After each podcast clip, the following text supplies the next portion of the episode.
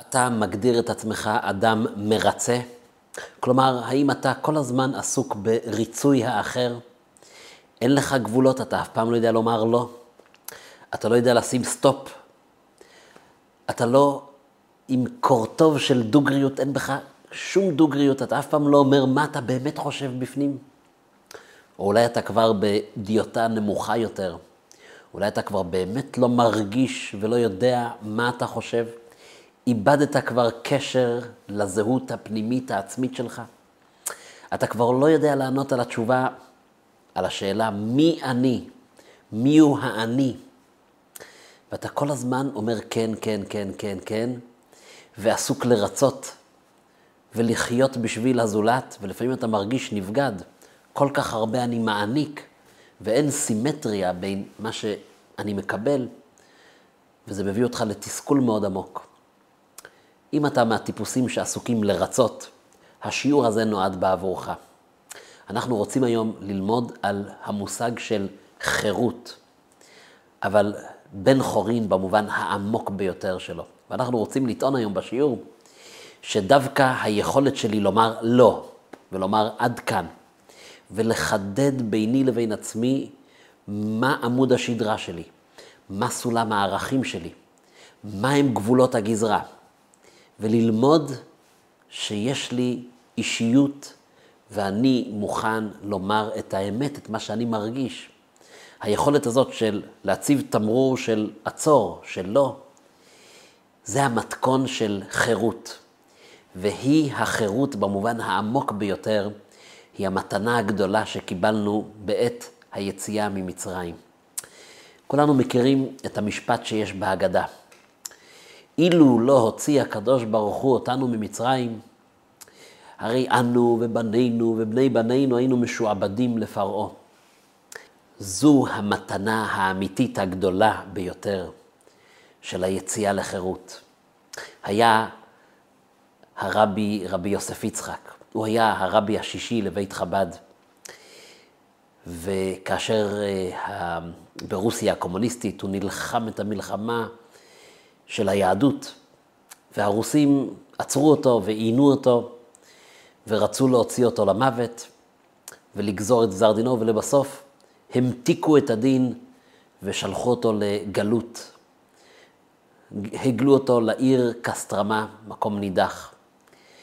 ולפני שהוא יצא אל הגלות שלו, בתחנת הרכבת באו אלפים של חסידים להיפרד מהרבי הנערץ.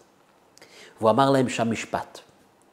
הוא אמר, הגוף היהודי אולי יכול לחוות גלות ושבי, אבל הוא אומר, רק הגופים שלנו ניתנו לשליטה על ידי אדם כזה או אדם אחר, על ידי עריץ כזה או עריץ אחר, אבל נשמותינו, הנפש היהודית, לא ניתנה בגלות.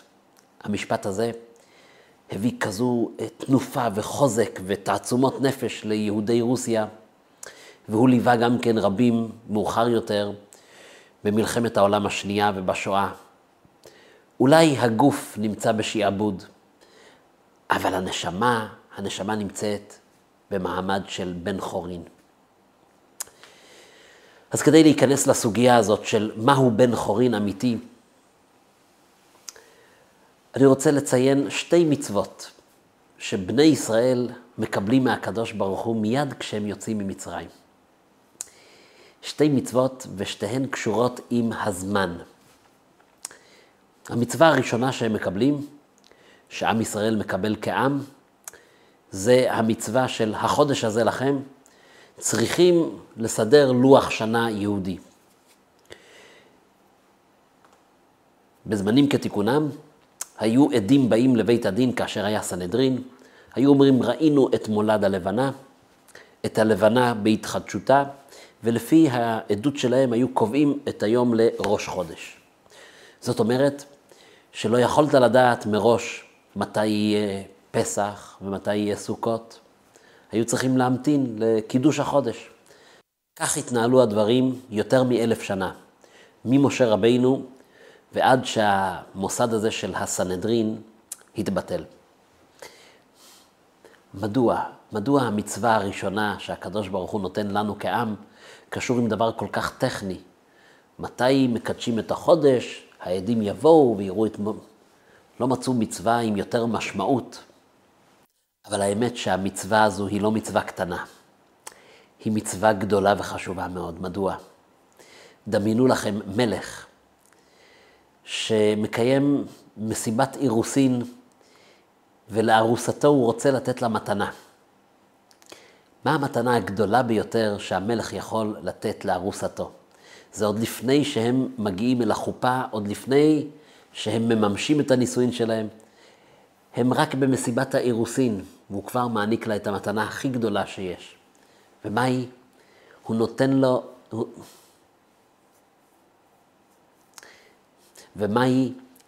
הוא נותן לה את היומן האישי שלו, והוא אומר לה, ארוסתי היקרה, את מנהלת לנו את היומן. את יכולה להכניס ביומן מתי אנחנו נפגשים, מתי אנחנו ביחד. הנה היומן שלי בידיים שלך. כך הקדוש ברוך הוא, החתן. והנה הוא הוציא אותנו ממצרים, ובנו בחרת מכל עם, ואנחנו מתחילים לצעוד אל עבר החופה. יום שמחתו, יום חופתו של הקדוש ברוך הוא ועם ישראל בהר סיני. אבל הדבר הראשון שהוא עושה, הוא נותן לנו את היומן שלו. הוא אומר, אתם, אתם, את ארוסתי, את תחליטי בשבילנו מתי אנחנו נהיה ביחד. ועם ישראל, אנחנו אלה שמקדשים את החודש. יש את זה בצורה מאוד יפה במדרש, שכששואלים מלאכי השרת ואומרים לקדוש ברוך הוא, מתי יחול יום כיפור? מתי יחול פסח? אומר הקדוש ברוך הוא למלאכי השרת, אני ואתם נרד ונאזין ונשמע מתי הסנהדרין, מתי עם ישראל, מתי הם קובעים את הימים ואת החודשים. במילים אחרות, אני בעצמי לא יודע מתי יחול יום כיפור. היומן שלי נמצא אצלם. היומן שלי של המלך אצל הארוסה, אצלה. המצווה הראשונה היא המצווה שהביאה לעולם את המושג מקדש ישראל והזמנים. הקדוש ברוך הוא מקדש, הרי את מקודשת לי. הקדוש ברוך הוא קידש את עם ישראל ונתן להם את המפתחות, ואומר להם, אתם תכניסו את הקדושה בזמן. יש לכם כוח אדיר. אתם יכולים לקדש את המימד של הזמן. זו המצווה הראשונה. ומעניין שכמה ימים אחר כך, שבוע ויום אחר כך, הם חוו את קריאת ים סוף, וסוף סוף, מה שנקרא, הם יצאו סופית ממצרים. אבל עכשיו צריכים להוציא את המצרים, את העבדות, מהם. וכאן מגיע הציווי של הקדוש ברוך הוא על הירידה של המן, אותו לחם פלאי, לחם אלוקי שהיה יורד מן השמיים במשך 40 שנה. ויש מצוות שקשורות עם המן. אז uh, צריכים כל אחד שיקח את המנה היומית שלו, עומר לגולגולת. לא יותר ולא פחות, מי שיקח יותר זה יעלה רימה, תולעים. הקדוש ברוך הוא לימד אותנו כאן את השיעור הגדול באמונה.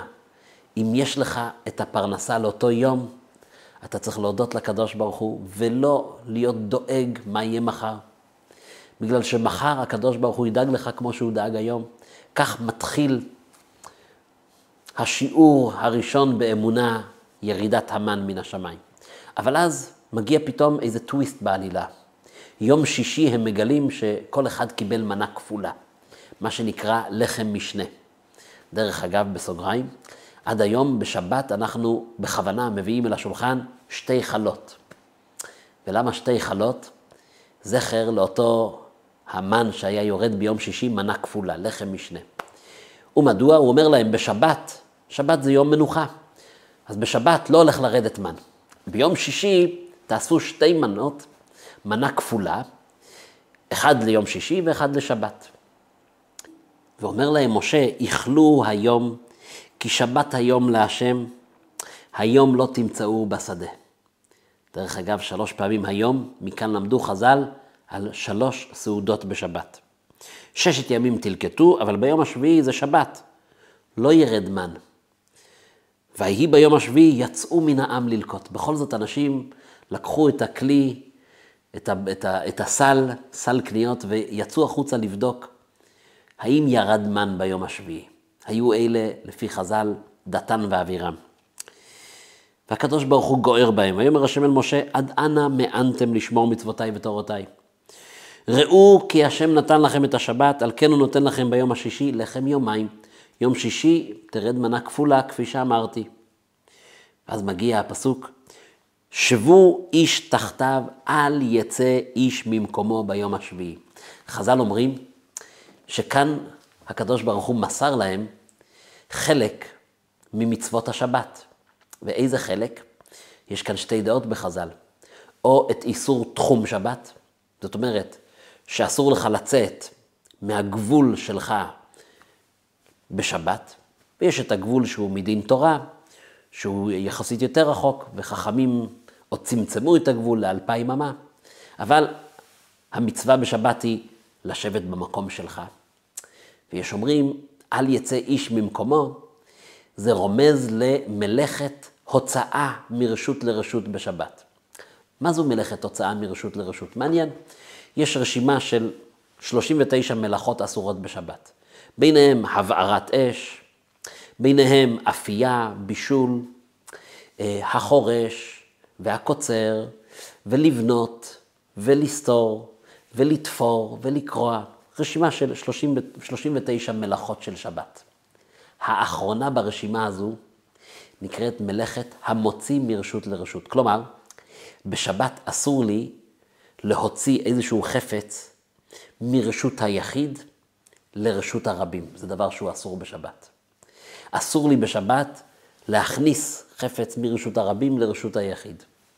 המלאכה הזאת בשבת היא רמוזה כאן לפי חז"ל, שהרי בשביל להביא את המן, היו צריכים לעזוב את האוהל או את הבית ולצאת החוצה, ואתה חוזר עם אוכל, זה דבר שהוא אסור בשבת. נכון שבפרקטיקה היום בארץ ישראל, ברוב הערים יש עירוב, חוט העירוב מתיר את זה, בחוץ לארץ ודאי שלא, אבל האיסור הזה הוא איסור שבת שקיים גם כן היום, של, שאסור לנו להוציא אפילו דבר קטן, פעוט, מרשות אחת לרשות השנייה, מהבית אל הרחוב, ו, ו, וכן, וכן, וכן להפך. הנה המצוות שהם קיבלו כבר כשהם יצאו ממצרים. ואיזו מצווה הם קיבלו? פרטים מסוימים במלאכת שבת של המוציא מרשות לרשות. נשאלת השאלה מדוע. מדוע כבר עכשיו, זה כל כך חשוב, לתת לעם שרק עכשיו יצא ממצרים את בדיוק את המצווה הזו של שבת, שאסור לטלטל ולהוציא חפץ מהרשות הזאת לרשות הזאת. אין איזה משהו יותר משמעותי? אין מצווה שהיא עומדת בסולם, בסולם ה... בהיררכיה לפני המצווה של הוצאה מרשות לרשות, שזה נשמע פרט, פרט חשוב, אבל הוא לא, הוא לא האב טיפוס של, של כל מלאכת שבת.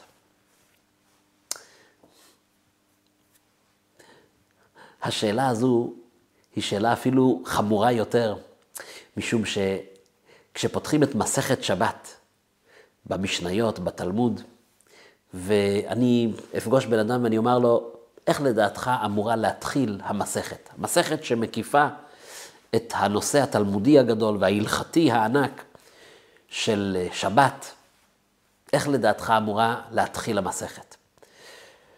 אז אה, יהיה מי שיאמר, צריך להתחיל עם ההכנות לשבת.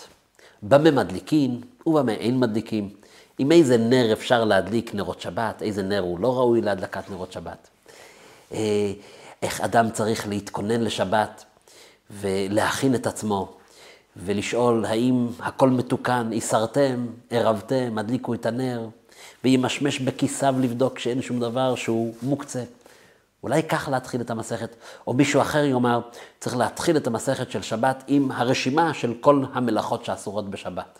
אבל מעניין שההכנות לשבת נדחו לפרק שני, והרשימה של המלאכות האסורות מופיעה אי שם בפרק שביעי, ועימה מתחילה המסכת של הלכות שבת. עם מה היא מתחילה? עם מלאכת המוציא מרשות לרשות. המשנה מתחילה ומפרטת שיש ארבעה רשויות לשבת, יש רשות היחיד ויש רשות הרבים, ויש דברים שהם ביניים, אה, כמו כרמלית, מקום הפטור, והמשנה מתחילה לצייר ציור של אדם שעומד בתוך הבית, והוא מוציא איזשהו דבר קטן החוצה, העשיר עומד בפנים, העני עומד בחוץ, אני מושיט לו איזה כיכר לחם, ובזה המשנה מתחילה את כל הסיפור של שבת, המוציא מרשות לרשות. לא מצאו משהו טוב יותר להתחיל איתו את המסכת? כל מפרשי התלמוד שואלים את השאלה הזאת. למשל, התוספות, הוא שואל את השאלה, מדוע המשנה מתחילה עם מלאכת המוציא מרשות לרשות? והוא עונה את התשובה, הוא אומר שהמלאכה הזאת היא מלאכה מאוד משונה, מאוד, הוא קורא לזה מלאכה גרועה. הוא אומר, כל המלאכות של שבת, אתה יוצר משהו. אתה לפעמים אה, מבעיר אש, אתה זורע באדמה, אתה קוצר. עשית איזשהו משהו יצרני בעולם. ואני מבין שזו הכותרת של מלאכות שבת, היצרנות. לעומת זאת, המלאכה הזאת, האחרונה ברשימה, איסור שבת שאין בו כלום. אין בו שום יצירה. ואם לקחתי איזה אה, כוסית ובפנים קצת מים ויצאתי מכאן לרחוב, איזו פעולה יצרנית אני עשיתי. ולכן המלאכה הזו היא מלאכה שהיא קצת קשה להבנה, קשה לעיכול, כך טוען התוספות. הוא אומר, לכן החכמים רצו להאיר את כל האור של הפרוז'קטורים על המלאכה הזו, שאנשים לא ייכשלו בה, שלא יזלזלו בה. כך תשובה של, של מפרשי התלמוד. אבל בתורת החסידות, שתמיד מחפשים את העומק ואת האמת, תורת החסידות נותנת מענה אחר, עמוק מאוד. באה תורת החסידות ואומרת שהכותרת לכל מלאכות שבת זה מלאכת המוציא מרשות לרשות. ואני אוסיף ואומר, הכותרת שהקדוש ברוך הוא נותן לעם שרק עכשיו נולד, שרק עכשיו יצא ממצרים, המוציא מרשות לרשות. אז כדי להבין מדוע המוציא מרשות לרשות, זה, זה הכותרת, זה מכיל את הכל. אז אנחנו נדבר רגע אחד על המושגים רשות היחיד, רשות הרבים, ומה זה אומר במובן המופשט יותר, העמוק יותר, מה זה אומר להוציא מרשות היחיד לרשות הרבים, או להכניס מרשות הרבים לרשות היחיד. אז מוסבר בחסידות, שמה זה רשות היחיד? בעומק שלו, בשורש שלו, מיהו היחיד? מי נקרא יחידו של עולם? השם אלוקינו, השם אחד. זאת אומרת שרשות היחיד זה המקום שבו המציאות נראית כפי שהקדוש ברוך הוא מביט על המציאות. ומנקודת המבט של הקדוש ברוך הוא, יש כאן הרמוניה אחת גדולה. לקדוש ברוך הוא יש תוכנית בבריאה. כל פרט לא מיותר. כל נברא יש לו שליחות. כל דבר משלים את ההוויה הענקית הזאת של הקדוש ברוך הוא שרצה לברוא עולם ולהפוך אותו לגן עדן. רצה הקדוש ברוך הוא להשכין את השכינה שלו כאן בעולם הזה, שיהיה לו דירה. זה נקודת הזווית של הקדוש ברוך הוא, איך שהוא מביט על העניינים. זה נקרא רשות היחיד. אז מה זה רשות הרבים? רשות הרבים זה האנטיתזה של כל זה. רשות הרבים, שבמבט שטחי, כמו שאנחנו רואים את זה, כי אנחנו נמצאים בתוך זה, כמו שאנחנו מביטים על העולם, זה כוחות רבים ועצומים ואין סדר, יש רק בלגן ורק כאוס, ואנחנו לא מצליחים להבין מי נגד מי, ונראה לנו פה שהכל זה רק כוחות טבעיים. הטבע הוא תופס את העין, ולגלות את הקדוש ברוך הוא דורש מאיתנו התבוננות גדולה.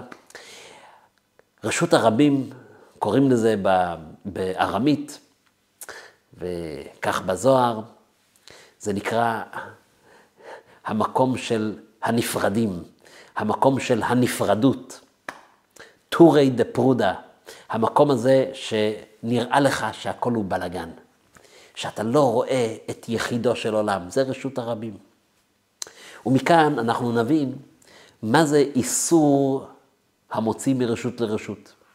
כי במהלך השבוע כולו, יום ראשון ויום שני ויום שלישי, כל השבוע, השליחות שלנו, השליחות של עם ישראל, זה המוציא מרשות לרשות.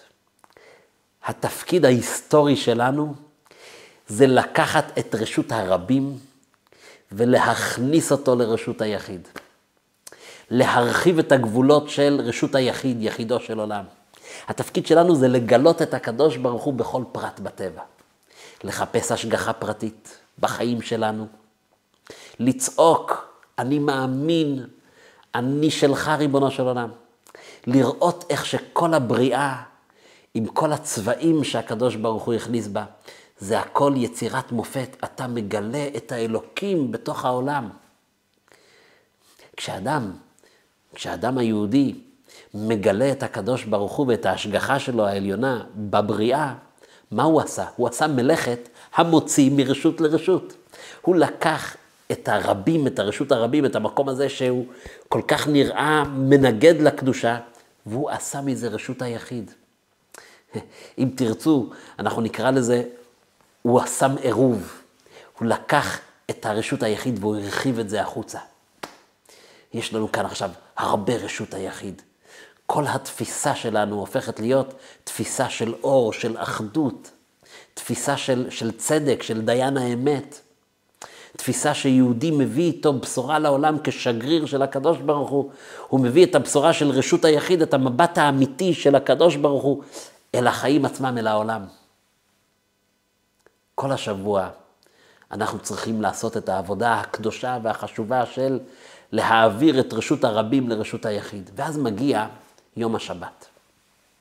וביום השבת אנחנו שמים תמרור עצור, והקדוש ברוך הוא אומר לנו, היום השליחות החשובה מאוד מאוד מאוד שלכם לזכך ולברר עבודת הבירורים, זוכרים ממלאכות שבת בורר, העבודה הזאת של העלאת כל הכוחות, גם של האדם וגם של העולם סביבו, אל רשות היחיד, זה חשוב מאוד, אבל לא בשבת.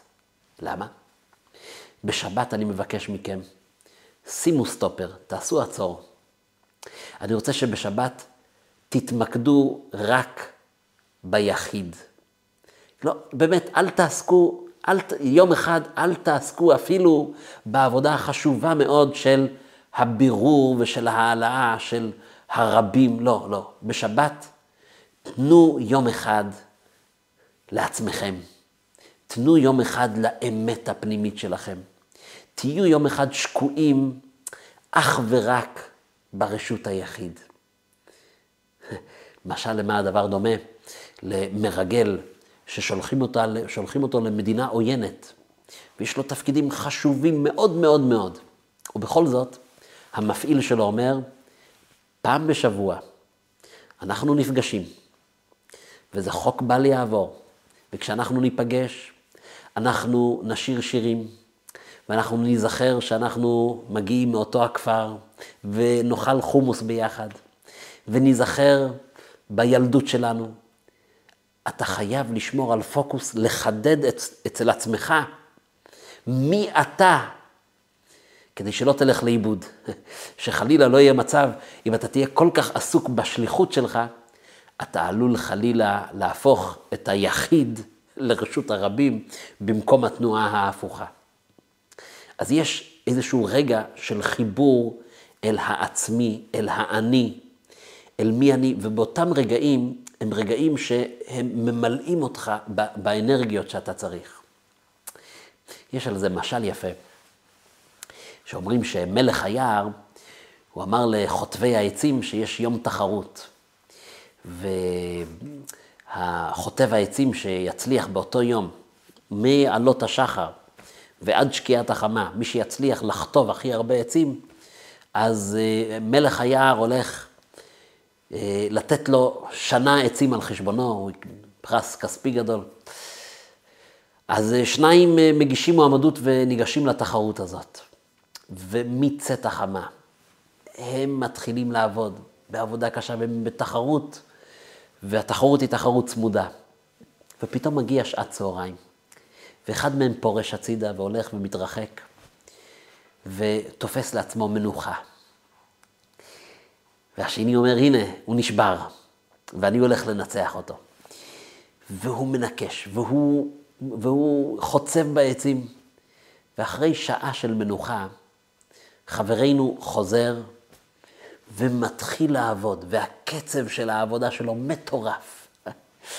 ובתוך בתוך שעה הוא מספיק את מה שהשני הספיק, ב... ותוך שעתיים הוא כבר עוקף אותו, וכשמגיעה השקיעה הוא מנצח אותו בהפרש גדול. והחבר שואל אותו, מה עשית? איך הצלחת? הרי אתה לקחת שעה מנוחה ואני עבדתי. ואומר לו החבר, חוטב העצים, אומר, מה, מה אתה חושב שעשיתי באותה שעה? באותה שעה ישבתי וחידדתי וליטשתי את הגרזן שהוא יהיה חד יותר. וכשחזרתי לעבוד עם הגרזן החד, הצלחתי מהר מאוד לנצח אותך. זאת אומרת, המהות של יום אחד של תמרור עצור, זו האמירה שאני יום אחד חייב להתחבר לאמת הפנימית שלי, לאמת האלוקית שלי, לערכים שלי, לאידיאלים שאני מאמין בהם, כי אחרת לא יהיה לי כוח לעשות את העבודה החשובה, שהיא הכותרת של כל העבודה שלנו כשליחות של עם ישראל, השליחות ההיסטורית, המוציא מרשות לרשות. קחו את רשות הרבים, תעשו מזה רשות היחיד. אבל כדי שאני אקבל כוח, המטען שלי הוא יום השבת. ואת זה הקדוש ברוך הוא נותן להם ברגעים הראשונים שהם יוצאים ממצרים. אתם יודעים מה זה להיות עבד? להיות עבד, זה אומר שאני לא שולט בזמן שלי. האדון, הוא מכתיב לי, הוא מכתיב לי את הזמנים. להיות בכלא, לפעמים יש בכלא הכל, לפעמים יש תנאים שהם ראויים, אבל הקושי הגדול, שאין לי שום שליטה על הזמן שלי. איך הם אמרו לפרעה? שלח את עמי ויעבדוני, אומר פרעה, נרפים הם נרפים. ממתי יש להם בכלל זמן לחשוב מחשבות על, על גאולה ועל שחרור? מי שחרר להם את, את, את הזמן לחשוב? אז אני עכשיו אפיל עליהם עוד גזרה, והם יצטרכו לבד לקושש תבן, ולא יהיה להם זמן לחשוב מחשבות כאלה, והם רק יחשבו על המנה היומית של הלחם שהם אמורים לקבל. אני אמור לשלוט על הזמן של העבדים. ומה קורה היום? האם השתחררנו מהכבלים הללו? אנחנו לכאורה ניצחנו היום, אנחנו שליטים של הזמן ושל המקום. הלילה הוא לא לילה, אני יכול להדליק חשמל. הבוקר הוא לא בוקר, אני יכול לישון כל היום. אנחנו ניצחנו את הזמן לכאורה, אבל רק לכאורה. אנחנו ניצחנו את המימד של מקום. פעם זה היה שכשאתה נמצא פה, אז אתה לא יכול להיות גם שם. אבל היום אני אונליין, ואני יכול אפילו לשחק משחקי מחשב בחי עם אחד שנמצא מעבר לים. ואני רואה בשיחת וידאו ואני עושה קונפרנס ואני בטיסה קצרה. ניצחנו את המושג של מקום, ניצחנו, רק לכאורה. האם האדם הוא לא משועבד לזמן? האם האדם לא משועבד לדחוף? האם האדם באמת משרת את האידיאלים הפנימיים שלו? או שהדחוף, הדחוף, הדחוף והלחץ הוא הופך להיות האדון של העבד המודרני. העבדות המודרנית היא זו בדיוק, שאנחנו עבדי הזמן, וכמו שאומר רבי יהודה הלוי בשיר המפורסם שלו, עבדי הזמן, מי שהוא עבד של הזמן, עבדי עבדים הם. הוא השפל שבעבדים, הוא עבד של העבדים. כי להיות חופשי זה להיות עבד השם, זה להיות משועבד לערכים האמיתיים שאני מאמין בהם, זה להיות משועבד לקדוש ברוך הוא, זה אומר שאני מסוגל להגיד לא לדחוף. וזה מאוד דחוף, אבל הדחוף לפעמים דוחק הצידה את החשוב. ואני פתאום מגלה שאני מסוגל יום בשבוע להיות עסוק בדברים שהם החשובים ולא הדחופים. והשמיים לא נפלו. ונכנסה השבת, אני סגרתי את הטלפון פתאום, ואת את שאר הדברים שהציקו לי כל השבוע אני הזזתי הצידה, והחלטתי החלטה בנפש שעכשיו אני לא מדבר על זה, ואין דיבורים של עסקים בשבת, ואין דיבורים על הטרדות בשבת. ואני רואה שלא נפלו השמיים, הפוך. התחברתי אל המקום הפנימי שנותן לי כוח מחר להמשיך להתמודד עם הדברים הללו. ואז אני גיליתי שגם כשאני מקפיד על שחרית, מנחה וערבית, וגם שם אני סוגר את הטלפון, וגם שם אני מגיע קצת קודם, ויש לי גם שיעור תורה אחרי, ופתאום אני מגלה שלא נפלו השמיים. ואתם יודעים מה? יש לי אפילו יותר מנוחת הנפש, ופתאום אני מצליח לקבל החלטות בצורה יותר מושכלת, ואני רואה גם כן סייעתא דשמיא. הבן חורין הוא אחד כזה שהצליח להשתחרר מהעבדות של הזמן, ואת זה הקדוש ברוך הוא נותן לנו את המתנה הזאת מיד כשאנחנו יוצאים ממצרים. הגיע שבת, חברים. אני רוצה ללמד אתכם מה זה בן חורין. בן חורין זה אחד שיודע לומר לא. זה אחד שיודע לסגור את הטלפון. למה? כי אני עכשיו עושה שיעורי בית עם הילדים שלי. אז אם יהיה פיקוח נפש. ומגדלי התאומים יפלו, אז יבואו אליי לדלת לקרוא לי, כי אני, אני צריך, ל... כי אני בצו... בצוותי החילוץ של... שום דבר לא קרה. שמתי את הטלפון על מצב טיסה, הייתי עם הילדים חצי שעה, זה הזמן שהקצבתי, ועשיתי פתאום איזשהו מקום של חירות בנפש. קראתי איפשהו על אה, אחות שעושה את ה, כנראה את המקצוע הקשה ביותר, היא מלווה חולים סופניים בהוספיס. והיא אה, תיעדה שיחות שהיא מקיימת עם אנשים שנמצאים, מה שנקרא, על הקצה, על סף המוות. והיא אומרת שהיא נוהגת לשאול אותם, היום במבט לאחור, מה הם חמישה הדברים שאתם מתחרטים עליהם? והיא אומרת שכולם, התשובה שחוזרת על עצמה, כולם חוזרים על זה.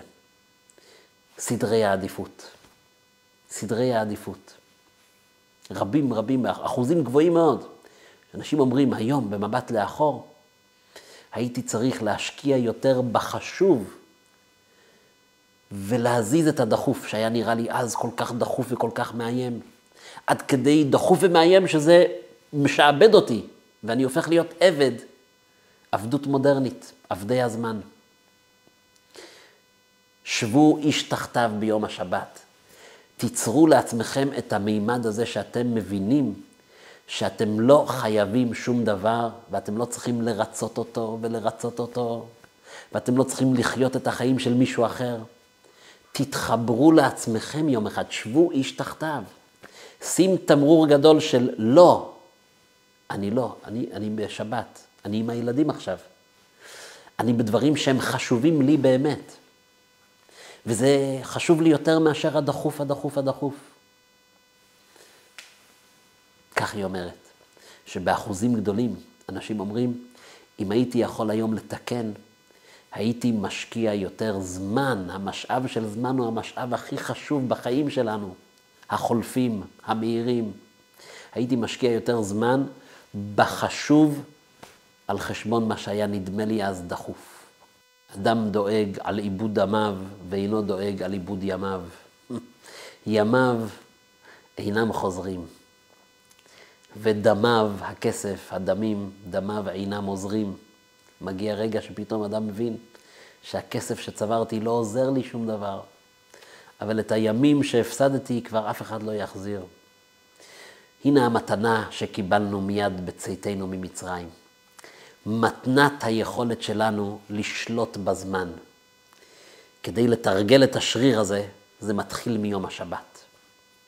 היום שבו אנחנו עסוקים בדברים החשובים לנו באמת, בערכים הכי חשובים לנו, באידיאלים שאנחנו רוצים שיהיה לנו עמוד שדרה, שיהיה לנו את המטען הזה, שאנחנו יודעים מי אני, כדי שיהיה לי כוח להמשיך את המרוץ הזה של רשות הרבים לרשות היחיד, רשות הרבים לרשות היחיד, ופס, אל יצא איש במקומו.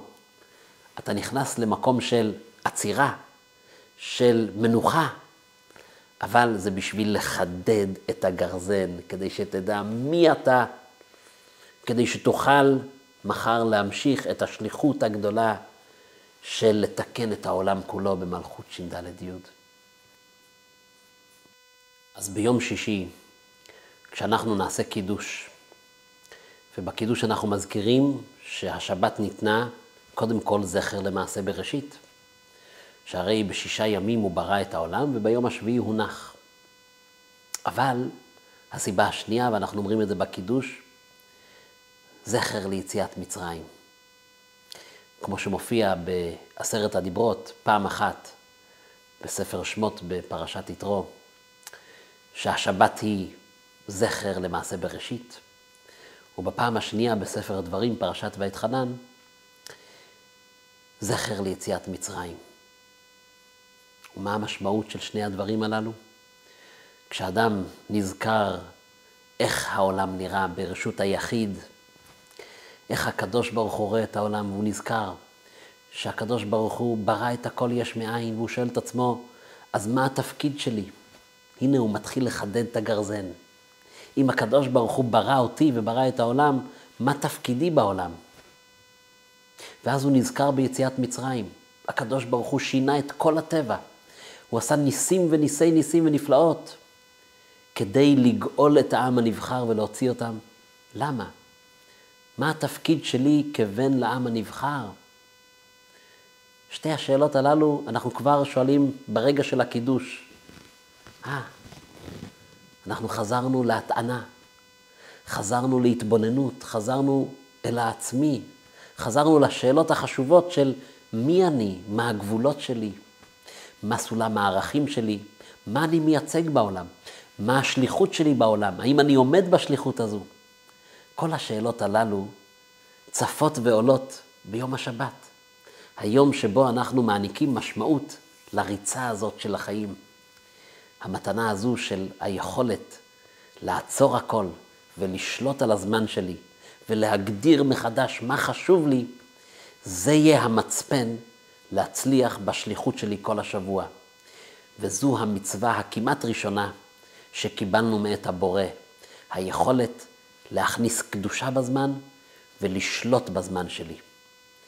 שנזכה ונצליח בשליחות הזאת.